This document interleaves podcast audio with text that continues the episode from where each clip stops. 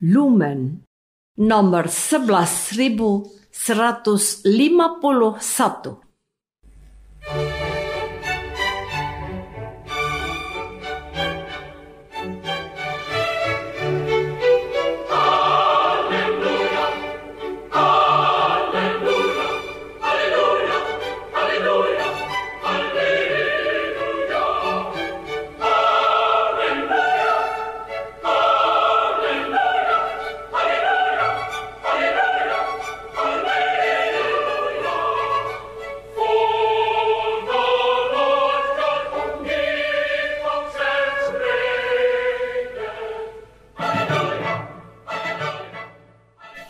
Saudara pendengar di segenap penjuru tanah air, selamat bergabung dengan Lumen Indonesia. Lumen Indonesia siap melayani Anda setiap hari. Saudara terkasih, marilah kita bersatu dalam Tuhan kita Yesus Kristus yang tidak berubah dahulu, sekarang, dan selama-lamanya. Allah Sang Maha Rahim mengasihi dan menerima sebagaimana adanya kita Allah Bapa kita di surga senantiasa bersedia menolong, menghibur, dan meneguhkan kita dalam menghadapi segala permasalahan hidup sehari-hari.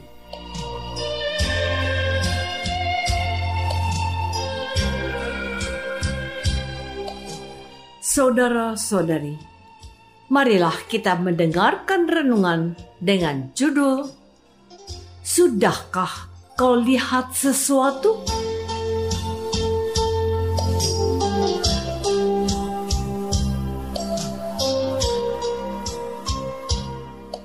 Yang berdasarkan pada Injil Markus bab 8 ayat 22b dan 24b. Di situ orang membawa kepada Yesus seorang buta dan mereka memohon kepadanya supaya ia menjamah dia.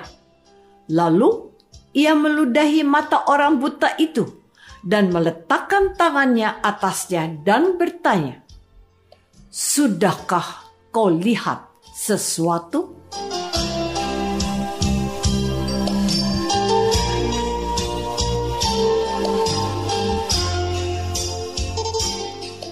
Dalam nama Bapa dan Putra dan Roh Kudus. Amin. Saudara-saudari terkasih dalam nama Tuhan Yesus Kristus Ketika memulai merenungkan perikop Injil hari ini, saya bersenandung dalam hati.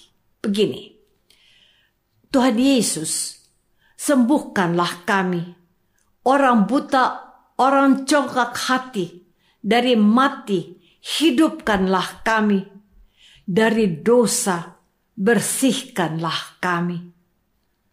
Lirik lagu ini dapat kita temukan dalam buku Madah Bakti nomor 285.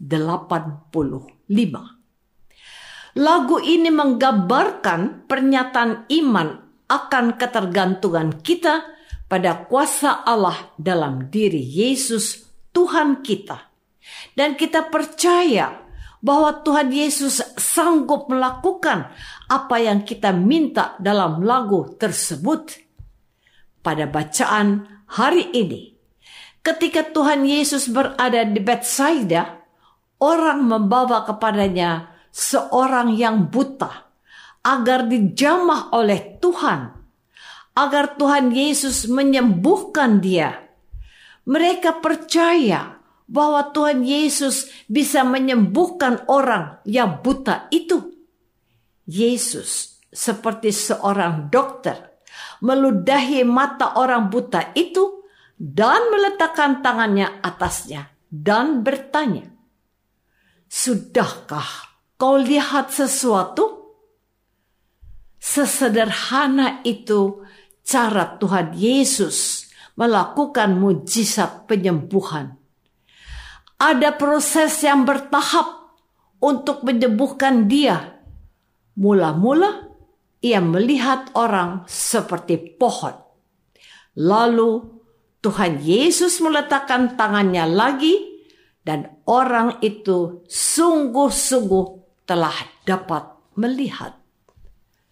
Saudara-saudari terkasih, ada dua hal yang menarik untuk saya bagikan kepadamu pada hari ini, bahwa iman kepada Tuhan Yesus itu jangan kita miliki sendiri saja, melainkan agar dapat dialami oleh orang lain juga.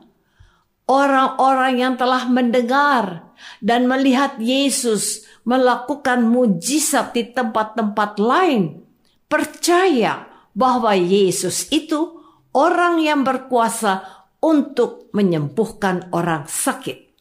Dan orang-orang itu berusaha untuk mempertemukan saudaranya yang sakit dengan Yesus agar dia mengalami Yesus secara pribadi. Yang kedua, Tuhan Yesus dengan senang hati menerima kehadiran orang-orang yang membawa si orang buta itu datang kepadanya. Tuhan Yesus menyatakan kepada mereka bahwa Dia adalah Allah yang sanggup membuat semuanya menjadi baik lagi. Yang buta dan tidak dapat melihat diberi kemampuan untuk bisa melihat lagi. Saudara-saudari terkasih, saya dan saudara telah menerima Yesus sebagai Tuhan dan Juru Selamat kita. Kita sudah mengalami Tuhan Yesus yang peduli pada kehidupan kita. Kepadanya kita datang dan menantikan campur tangannya atas persoalan-persoalan yang kita hadapi setiap hari.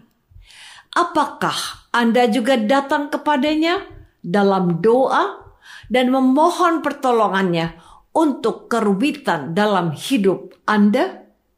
Sebagai orang-orang yang beriman, saya cukup yakin Anda sudah meluangkan waktu untuk datang kepada Yesus dalam doa. Bukankah kita sudah mendengar firman-Nya? Mintalah maka akan diberikan kepadamu. Melalui firman Tuhan hari ini, kita diingatkan oleh orang yang membawa orang buta kepada Yesus untuk disembuhkan, yaitu agar kita juga berani datang kepadanya dan bernyanyi penuh iman. Tuhan Yesus, sembuhkanlah kami, orang buta, orang congkak hati, dari mati, hidupkanlah kami, dari dosa, bersihkanlah kami. Hanya dengan datang kepada Yesus serta mohon belas kasihannya, maka kemurahan dan belas kasihan Tuhan itu akan kita alami setiap hari. Maka habitus atau kebiasaan baik yang harus kita pupuk dan kita tekuni adalah meluangkan waktu untuk datang kepada Yesus agar dia berkenan mendengarkan doa-doa permohonan kita. Saudara-saudari terkasih, hari ini kita mengalami kemurahan hati Tuhan dalam diri Tuhan Yesus yang mengabulkan keinginan orang-orang yang membawa saudaranya yang buta kepada Yesus. Dan Tuhan Yesus sudah menyembuhkannya. Menarik untuk kita simak di sini bahwa Tuhan Yesus menunjukkan adanya proses yang harus dengan sabar kita tunggu dari Tuhan untuk suatu penyembuhan atau pengabulan doa. Seperti orang buta itu. Mula-mula ia hanya melihat orang seperti pohon. Baru setelah itu ia benar-benar dapat melihat dengan sempurna. Bahwa kita sudah dengan penuh iman datang kepada Yesus untuk didengarkan doa kita. Itu hal yang baik dan harus dipupuk. Namun, kita juga harus belajar sabar untuk terkabulnya doa-doa kita. Tuhanlah yang memutuskan dengan cara apa dan seperti apa doa-doa kita itu akan dikabulkan. Dalam perayaan Ekaristi kita juga memanjatkan doa-doa gereja untuk berbagai kepentingan. Dalam ibadat sabda, kita juga menghunjukkan doa-doa permohonan. Di rumah kita ketika mengadakan doa keluarga atau doa pribadi kita juga memohon kemurahan Tuhan untuk mengabulkan doa-doa kita. Dalam doa Bapa kami, khususnya kita juga mohon agar Tuhan memberi kita rezeki secukupnya, mengampuni dosa kita dan dosa sesama kita, agar kita dijauhkan dari segala pencobaan dan dibebaskan dari pengaruh yang jahat. Marilah kita terus berharap pada kemurahannya dan biarkanlah ia yang memutuskan yang terbaik untuk mengabulkan permohonan-permohonan kita.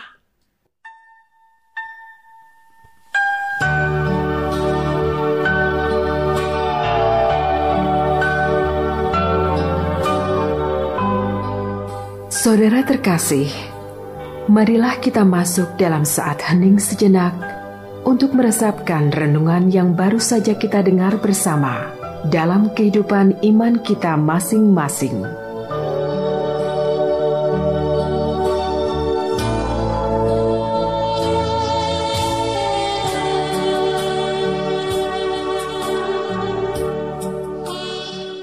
Apakah aku sudah meluangkan waktu untuk berdoa dan memohon kemurahan Tuhan? Marilah kita berdoa Bapa yang maha baik, terima kasih untuk kemurahan hatimu dalam Yesus Tuhan kami. Bantulah kami untuk datang kepada Yesus dan mengandalkan dia yang sanggup menjadikan semuanya menjadi baik. Terpuji nama Yesus selama-lamanya. Amin. Semoga kita semua selalu dinaungi dan dibimbing oleh berkat Allah yang Maha Kuasa, Bapa dan Putra dan Roh Kudus. Amin.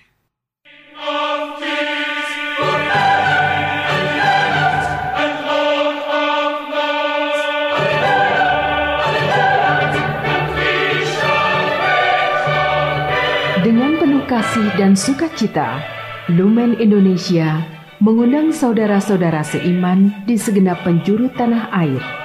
Sekiranya ada tanggapan ataupun saran, kirimkan surat Anda ke Lumen Indonesia. Terima kasih atas perhatian Anda. Sampai berjumpa lagi dengan Lumen Indonesia pada waktu dan gelombang yang sama esok hari.